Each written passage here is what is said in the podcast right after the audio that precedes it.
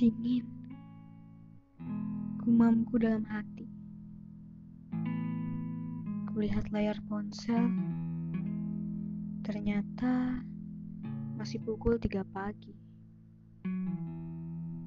Di luar sana, suara angin terdengar dengan riuh-riuhnya. Rintik hujan mulai berjatuhan dengan buih-buihnya. Sejenak aku berpikir, mengapa mentari beranjak pergi? Menyisakan pijaran bintang dengan rembulan yang kesepian. Takkah ia pernah berpikir untuk mencari seorang teman? Kasian. Bahkan awan-awan hitam menutupinya secara perlahan.